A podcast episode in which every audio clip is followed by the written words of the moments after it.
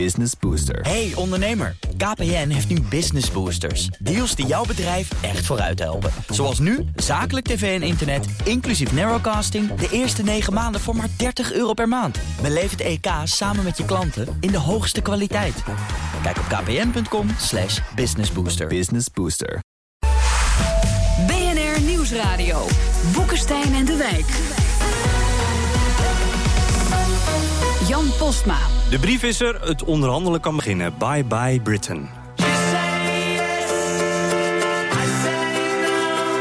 The Article 50 process is now underway, and in accordance with the wishes of the British people, the United Kingdom is leaving the European Union.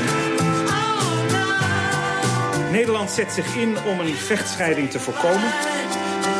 This is an historic moment from which there can be no turning back.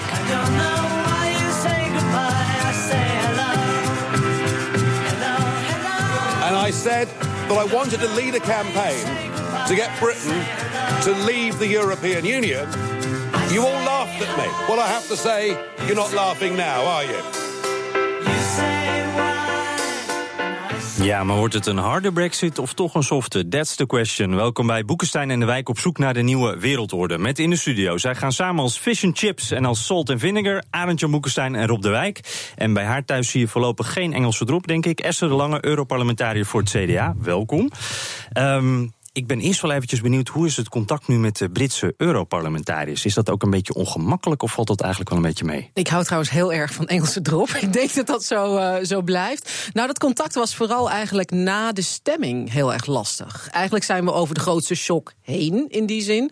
Uh, vind ik ook um, dat we nu als volwassenen dit moeten regelen. En binnen de tijdsspannen van twee jaar. de hoofdbeslissingen moeten uh, voor de Europese verkiezingen rond zijn.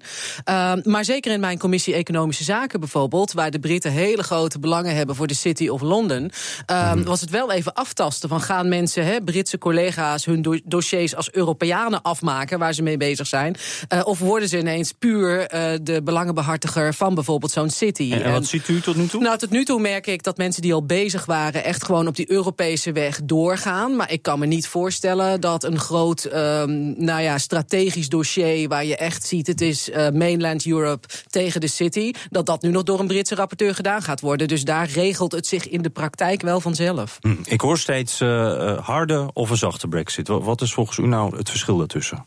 Ja, dat is eigenlijk uh, nu de kernvraag. Een echt harde brexit is, nou erger nog, zou zijn helemaal geen besluit. Want dan ga je in een soort niemandsland en, en in de modder terechtkomen. Dat wil je al helemaal niet. Hard zou zijn, eh, je knipt alle banden door. Dus je valt bijvoorbeeld op handelsgebied min of meer terug op de WTO. Je moet opnieuw allerlei uh, tarieven gaan onderhandelen, toegang tot markten regelen, et cetera. Hard betekent ook, je, je lost het probleem voor de tienduizenden Nederlanders, de Europeanen die in uh, Engeland zitten, niet op en je zet ze eruit. Betekent ook dat alle pensionado's uit Groot-Brittannië aan de Spaanse kust met eenzelfde probleem zitten. Volgens mij is dit in het belang van niemand. We moeten gewoon kijken allereerst de mensen. Hoe regelen we het voor de Europeanen in Groot-Brittannië en de Britten uh, op het continent, zeg maar. En daarnaast natuurlijk handelsbetrekkingen, uh, et cetera. Zakelijk regelen. Dan hoor ik ook wel, uh, het mag best wel een beetje een softere brexit van het CDA. Nou, het moet gewoon een duidelijke brexit zijn. Um, er is gekozen, het heeft al negen maanden geduurd... tussen het besluit en nu het aankondigen van dat fameuze artikel 50. Mm -hmm. Dat is al lang zat. Dat had wat mij betreft wel wat sneller gemoeten. Omdat je dus nogmaals eigenlijk nu twee jaar de tijd hebt... Uh, om uh, een aantal moeilijke zaken te gaan regelen. Ik heb het nog niet eens gehad over de grens bijvoorbeeld... tussen Ierland uh, en Noord-Ierland. Dus mm -hmm. het moet vooral duidelijk zijn. En wij moeten nu ook opstaan voor de belangen van die 27 Europese landen die achterblijven. De Britten zijn wereldkampioen uh, divide and rule. Uh, dat is denk ik het laatste wat wij als EU27, zeg ik maar, ja. moeten toestaan. En wat moeten wij dan, dan tegenover stellen? Moet dat hard zijn? Nou, vooral duidelijk. Kijk, je moet bijvoorbeeld zeggen... het is niet logisch dat Britten bilateraal al allerlei handelsakkoorden gaan uitonderhandelen met andere landen... terwijl het nog niet duidelijk is wat het regime wordt met de Europese Unie. Um, dat is een, een heel concreet voorbeeld uh, waar de Britten zullen maar proberen... wat zijn die andere landen dan, Esther? Zijn dat uh, Europese landen die lid zijn van de Europese Unie of daarbuiten? Daarbuiten kunnen ze natuurlijk wel de zaak in de stijger zetten. Ja, ja ik heb het over de 27, maar zeg dat, maar, waar maar wij dat, nu voor dat moeten loopt staan. Toch gewoon, dat loopt toch gewoon via uh, de Europese Unie? Wij sluiten toch als land Geen uh, individueel handelsverdrag meer af. Ja, dat moet je we, toch. Laten we niet naïef zijn. Ik denk dat ook al op uh, allerlei uh, economische en financiële dossiers er toch geprobeerd wordt om even te kijken van is er ruimte bij lidstaat X of hè, die ook nou, belang dan heeft zal in die ruimte eerder worden gezocht in, uh, in de aard van het handelsverdrag. Maar wij als land kunnen toch niet meer zelfstandig een handelsverdrag afsluiten. Dat zien we toch nu ook met het handelsverdrag, uh, het CETA-verdrag, uh, het verdrag tussen de Europese Unie en Canada, TTIP tussen de Europese Unie en de Verenigde Staten. Er zijn toch geen verdragen meer die landen, individuele landen in Europa apart sluiten. Al was het alleen maar omdat we gewoon helemaal de menskracht er niet meer voor hebben om dat te doen. Nou, juridisch gezien klopt dat allemaal, maar dit is ook onontgonnen gebied natuurlijk. Nou, en je, dat merkt, denk ik, nou, nee, maar dat denk en je ik, merkt toch wel dat, dat die dus Britten, waar ze kunnen, denk ik, die ruimte Ja. zullen pakken. En mijn Zeker, signaal is, bied ze dan die ruimte nu. Zeker, daar zijn ze ook al mee bezig. Maar het, eh, het is een juridisch feit dat individuele lidstaten van de Europese Unie gewoon niet individueel een handelsverdrag met de, het Verenigd Koninkrijk kunnen afsluiten. Ik bedoel, je kunt hoog of laag eh, springen, maar dat is nu eenmaal een feit. Dus ze zullen natuurlijk proberen om hun positie, als die verdragen gaan uit onderhandelen, zo goed mogelijk te krijgen in de verschillende landen. En dat ze die landen voor hun karretje spannen. En Nederland is denk ik een, een belangrijk doelwit eh, voor. eh, Een logical, eh, target, Natuurlijk, ja. omdat wij heel veel te verliezen hebben bij een eh, Brexit. Eh, die discussie is nog niet eens eh, begonnen in Nederland. Maar we hebben heel veel te verliezen eh, bij een Brexit. Omdat we, volgens mij is ons handelsvolume iets van. Of wij exporteren geloof ik van 40 miljard eh, per jaar naar het eh, eh, Verenigd Koninkrijk. En dat dreigt nu gewoon 10% van af te gaan. Dus 4 miljard, dat is nogal wat, eh, wat ons dat eh, gaat kosten, plus de rest. Dus eh, nee, wij zullen ongetwijfeld worden ingezet om een zo goed mogelijk handelsverdrag eh, uit te onderhandelen. Ja, maar het is ook een kwestie van timing. Hè? Ga je Ja. de concessies al doen voordat helder is wat eh, de relatie tussen het Verenigd Koninkrijk en de EU wordt? Hè? Of ga je pas op het moment dat dat helder is, vervolgens. eh staat ze vrij, eh, de contacten aan met individuele landen, wetende eh, Ja. wat je relatie met de EU En wordt. Tusk heeft vandaag heel duidelijk gezegd dat wil hij scheiden. Ik wil eerst over Brexit praten en dan pas over de toekomstige akkoord. Hè. Laten we eens een scenario. verstandig? Dat is heel verstandig, ja. Laten we, maar laten we toch eens een scenario schetsen. Want je, niemand weet hoe het gaat. Maar Maar, het is- waarom het het is wel- verstandig is, Arend Jan, want dat is natuurlijk wel een belangrijke vraag. Waarom Ja, is dat nou het- Het, verstandig? is ontzettend verstandig, omdat namelijk de Britten zullen proberen om met dat toekomstige akkoord een gunstigere brexit af te dwingen. Bijvoorbeeld gaan ze dan zeggen van ja, geheime diensten en zo, die gaan dan informatie misschien niet meer, wat natuurlijk allemaal onzin is, maar ze zullen alles proberen. Maar ik heb een vraag aan Esther. En- wij hebben ontzettend veel te verliezen. hè. De, de melkboeren die jij bijna persoonlijk allemaal kent, want je bent de CDA. De bloemensector. De, de Veel bloemensector, de visserij ook. Visserij. Ja. Nou, het is heel wel denkbaar dat tijdens deze grimmige onderhandelingen... dat dus inderdaad onze vissers gewoon niet meer...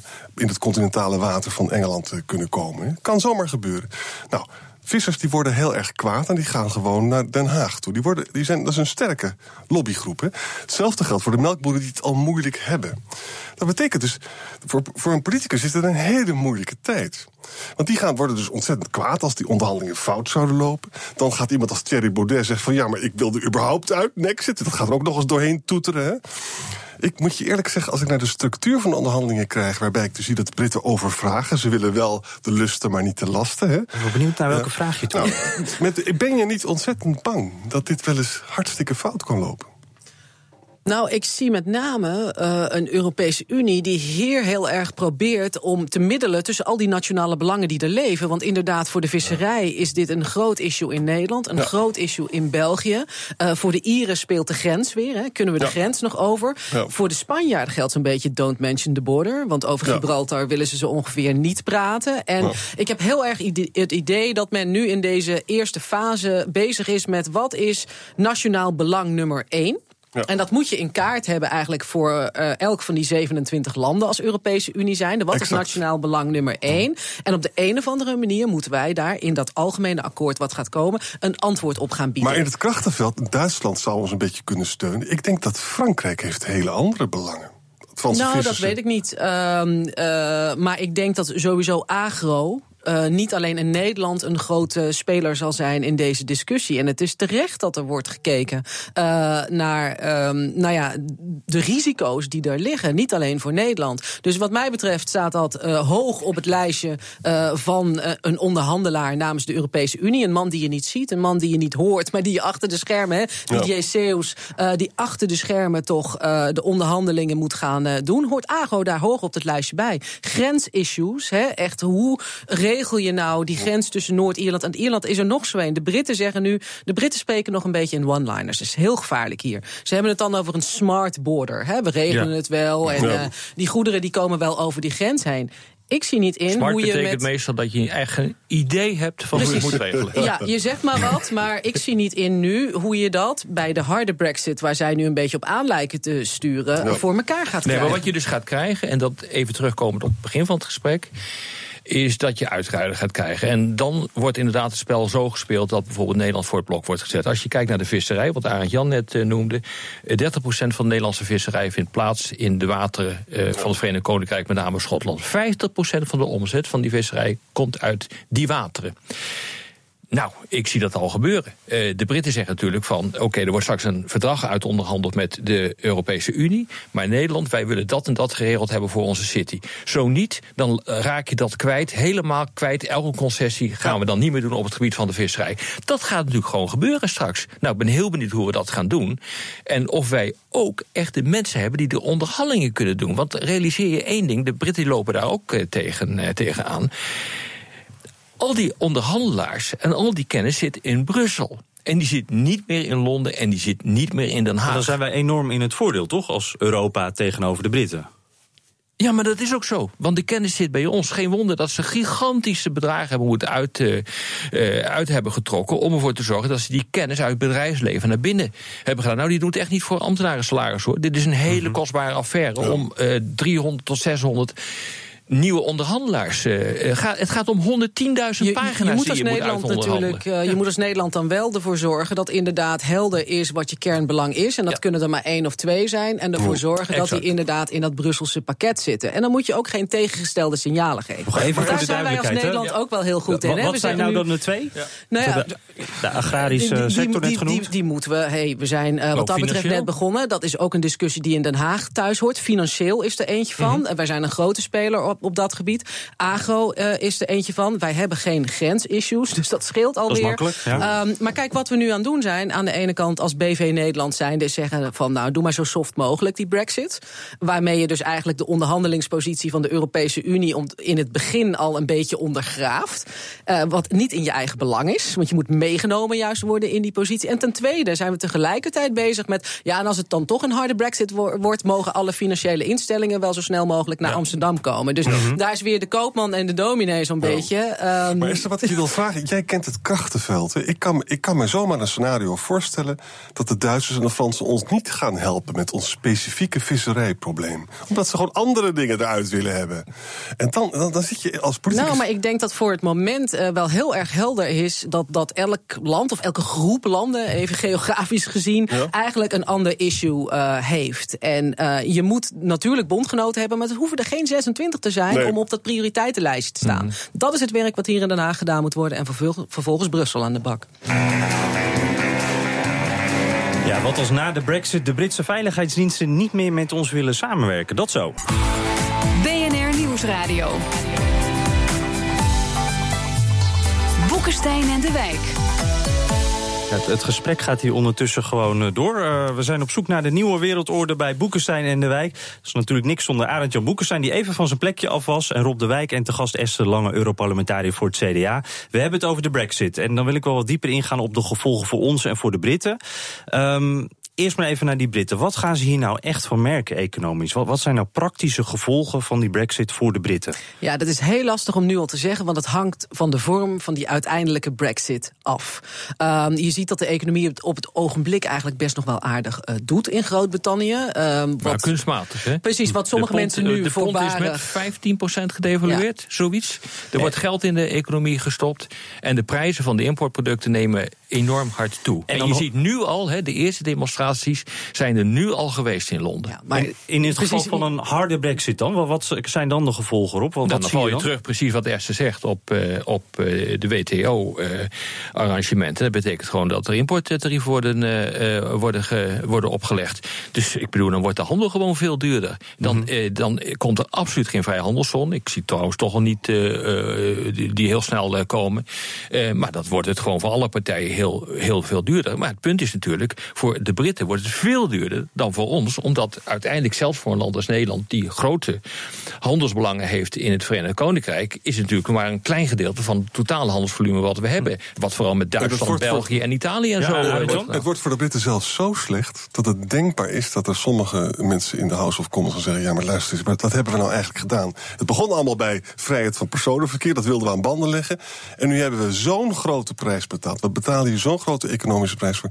En misschien dat een deel van die House of Commons zegt: we gaan proberen een nieuw referendum te krijgen. Of wordt afgedwongen door de mensen. Dat kan maar zo hoor. Ja, dat, Op wat dat voor is- manier dan? Ja, Nou, dat de Protesten- mensen, ja, de mensen de straat op gaan. Ja. Ik bedoel, realiseer dat eh, dit ook door het volk in ieder geval deze kant op is eh, gedreven. En dat het grootste deel van het volk, al die Brexit- eh, Brexiteers, die hebben natuurlijk in veel gevallen gewoon geen kloe gehad eh, wat de consequenties waren van een daad. En bovendien denk ik dat de meeste mensen, inclusief Boris Johnson, dat weet ik echt uit de eerste hand, niet verwacht had dat hij dit eh, referendum daadwerkelijk zou gaan winnen. Maar daar een intern politiek punt van wilde maken. En nou zit hij met een gebakken peer en dan mag hij het nog oplossen ook.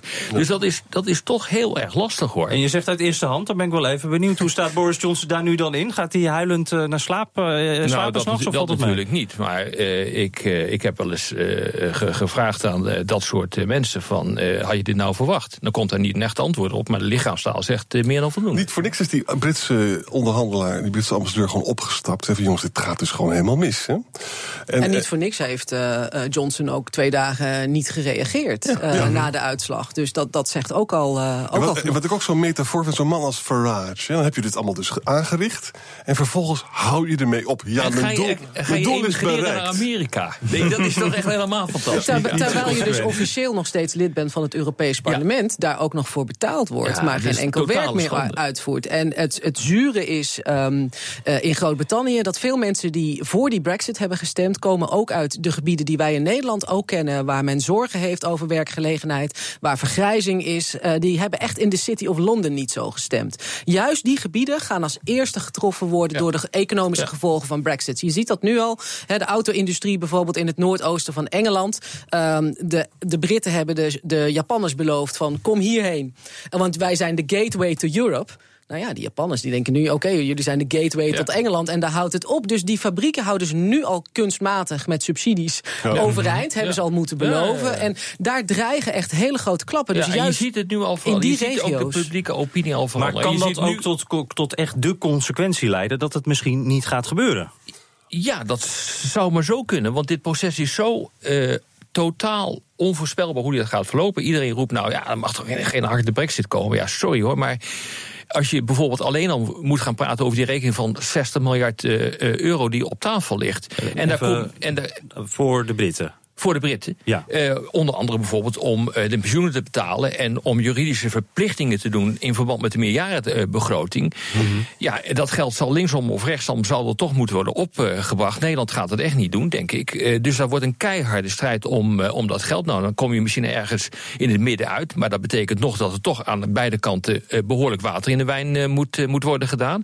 Maar als je daar niet uitkomt, weet je, dan hoef je niet eens meer verder te praten. En plus dat die dreigingen, dat was één zinnetje van Theresa May... van we moeten die, onze veiligheidssamenwerking misschien dan heroverwegen.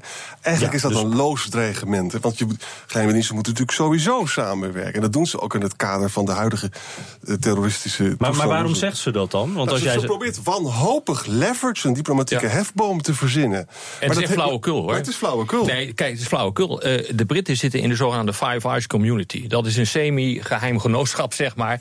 Dat Niet zo heel dat, geheim. Dat stamt, nee, eh, dat stamt uit eh, de tijd van, na de, van, eigenlijk van de Tweede Wereldoorlog. Eh, daar zitten eh, landen als de, Verenigd Koninkrijk, Frankrijk...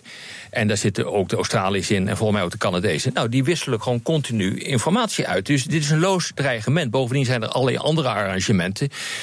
Waarin die geheime diensten op een bilaterale manier samenwerken. En Weet je, ja, de laatste, uh, de laatste aanslag is wel in Londen gebeurd, niet in Europa. Dus dat ja. betoont ook aan dat het wel verstandig is om gewoon te blijven samenwerken met de continentale partners. Je kan hem ook positief draaien hè? en zeggen: juist defensie, juist veiligheid is een onderwerp waar je ook na een Brexit uh, eigenlijk een brug, waarmee je een brug kan slaan tussen de EU en het Verenigd Zo Koninkrijk. Het. Ja. Bijvoorbeeld projecten op het gebied van gemeenschappelijk defensieonderzoek en ontwikkeling. Um, ik kan me heel goed voorstellen dat de Britten daaraan mee blijven doen. Um, en ja, in hun eigen belang. Daar, hoef ja, je dat niet, kost daar zou je geld, niet eens over maar je moeten discussiëren. Ja. He, daar moet je niet eens over praten, dat moet je gewoon doen. En dat gebeurt ook. Dit zijn volgens mij loze dreigementen. Esther, mag ik je nog een vraag stellen of mag het niet van Jan? Ja? Vooruit, omdat je het zo lief vraagt. Arend Jan neemt hier gewoon de boel over. Ik ga even weg. Dan, uh, ik ook. Stel nou dat het, dat het onverhoopt, of niet onverhoopt, maar stel voor dat het toch redelijk gaat. Hè. Zijn er voldoende centrifugale krachten in Europa? Bijvoorbeeld, we hebben Hongarije met Orbán. Hè. We hebben ook Portugal dat niet erg gelukkig is binnen de euro. We hebben, we hebben Italië. Zou het ook andere kant kunnen werken? Dat, het, dat juist een brexit die wel soepel verloopt, de kans is bijna nul... dat dat leidt ook tot uh, dat Hongarije meer gaat eisen. Ik ben het even helemaal kwijt. Wat zeg je nou eigenlijk? Nou, het is heel simpel. Van, stel je voor dat Brexit wel uh, redelijk soepel verloopt. Dat ja. het dus ja. mogelijk is om ja. eruit te gaan. Zou dat ook Hongarije kunnen inspireren om ook te zeggen: van, nou ja, die, die waardegemeenschap vond ik toch al niks. Wij gaan ook lekker. Ja, en de immigratie vond ik ook wel waardeloos. kan dat. Ja? ja kijk, dat hangt er vanaf wat jij met onder soepel verstaat. Als jij onder soepel verstaat dat de Britten precies krijgen wat ze willen. Dus, dus dat keuzemenu, dit vind ik lekker, dit krijg ik. En, en de dingen die ik niet zo fijn vind, daar hoef ik niet meer aan te voldoen. Ja, dan gaan anderen misschien ook denken: ja, dat wil ik ook wel. Pick and choose. En ja. uh, alleen maar ja. de leuke dingen. Ja, daar gaat Europa aan kapot. Aan alleen maar de leuke ja. dingen. Want uh, gaat het niet gebeuren, hoor. in, in, in zo'n gemeenschap die samenwerkt, uh, heb je solidariteit van anderen. Maar moet je soms zelf ook een bijdrage leveren. En ik denk dat dat een van de kernpunten is voor de onderhandelaars. om, om in elk geval dat die team spirit, ja, hè, ja. van en, en, you, you win some, you lose some, om die overeind te houden. En denk niet, en denk niet dat je niks aan Europa hoeft te betalen. Ik geef je één voorbeeld. Uh, Europa heeft, de Europese Unie heeft een eigen satellietsysteem. Daar is tientallen miljarden euro's in uh, gestopt. En ook door de Britten. Dat moet worden geëxporteerd de komende jaren. Wat gaat de Britten doen? Eigen satellietsysteem ontwikkelen? Of blijven ze gewoon betalen aan dat uh, systeem? Dus je kunt ook niet volhouden dat je niet kunt gaan betalen aan Europa. Dat, dat is volgens mij een. Ik weet niet wat, hoe Esther nou, daarover Je ziet het ook aan de Noren en aan uh, de Zwitsers, hè, ja, die, die, met een heleboel concrete projecten gewoon meedoen. Met ja. name op het gebied van onderzoek. Uh, en daar is helemaal niks mis mee. Nee, maar zij heeft wel geroepen mee. Er gaat geen cent meer naar Europa. Maar dat, dat bedoel, ik, dat bedoel ik met die one-liners. Ja. En ik denk dat dat ook het probleem is, überhaupt van de Britse Europa-discussie. Die is heel oppervlakkig uh, gevoerd. En daarom maak ik me ook wel eens zorgen over de Nederlandse Europa-discussie. Want die is ook een beetje op dat oppervlakkige niveau aangekomen. Voor of tegen, meer of minder. En het gaat niet meer over de inhoud. En uh, ik denk dat Groot-Brittannië laat zien hoe gevaarlijk het is om dat jarenlang ja. te doen. Even tenslotte, want ik hoor eigenlijk hier nog wel enige hoop dat misschien die hele brexit er niet gaat komen. Er kunnen nog allerlei dingen gebeuren. Wat voor scenario's hebben we dan? Uh, Rob, hoe zie jij dat voor je? Worden dat, uh, heeft dat met uh, verkiezingen in, in Groot-Brittannië te maken? Heeft dat, hoe gaat dat zich dan aan ontspannen? Of is dat echt niet te zeggen? Nee, ik denk dat het niet te zeggen is. geef, geef je een voorbeeld. Stel, de, de uitkomst van de verkiezingen in Frankrijk en Italië... die gaan ook in de richting van een exit van Italië of Frankrijk. Ja, dan hoef je überhaupt niet meer verder te onderhandelen. Stort de boel mm -hmm. gewoon in elkaar. Eigenlijk het van, meest fantastische scenario voor uh, mee is wanneer de Fransen of de, uh, de, de Italianen zeggen van we kappen ermee.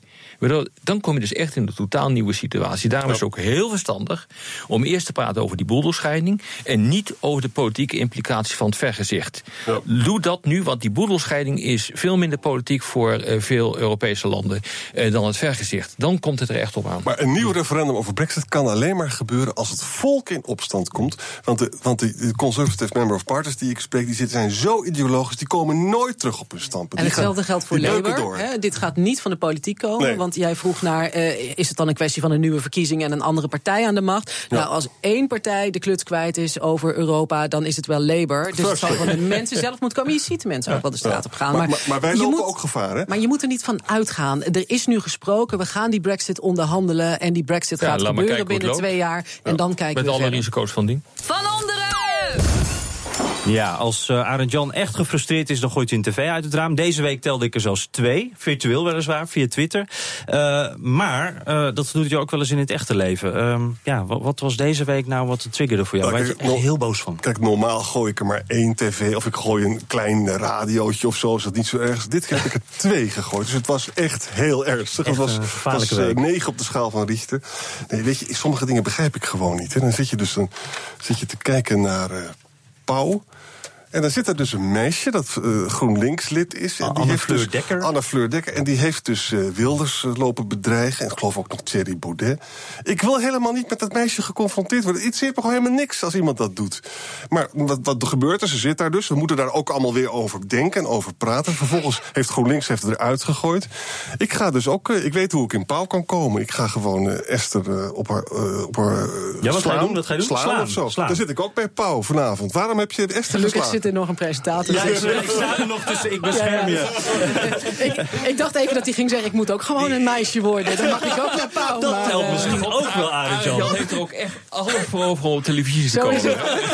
is de enige manier voor te komen. Nou, de radio is in ieder geval gelukt. Eh, dank, dit was Boekenstein en de Wijk. Dank Esther de Lange. Eh, we stoppen er snel mee, want het wordt nu een beetje gevaarlijk. Dus veel succes in Brussel de komende tijd. En jij ook dank voor het luisteren. Heb je er nog geen genoeg van? Abonneer je dan op de podcast. Dat kan via iTunes en ook via Spotify. En die is ook prima te downloaden buiten de EU. Tot volgende week. Business Booster. Hey ondernemer, KPN heeft nu Business Boosters. Deals die jouw bedrijf echt vooruit helpen. Zoals nu, zakelijk tv en internet, inclusief narrowcasting... de eerste 9 maanden voor maar 30 euro per maand. Beleef het EK samen met je klanten in de hoogste kwaliteit. Kijk op kpn.com slash businessbooster. Business Booster.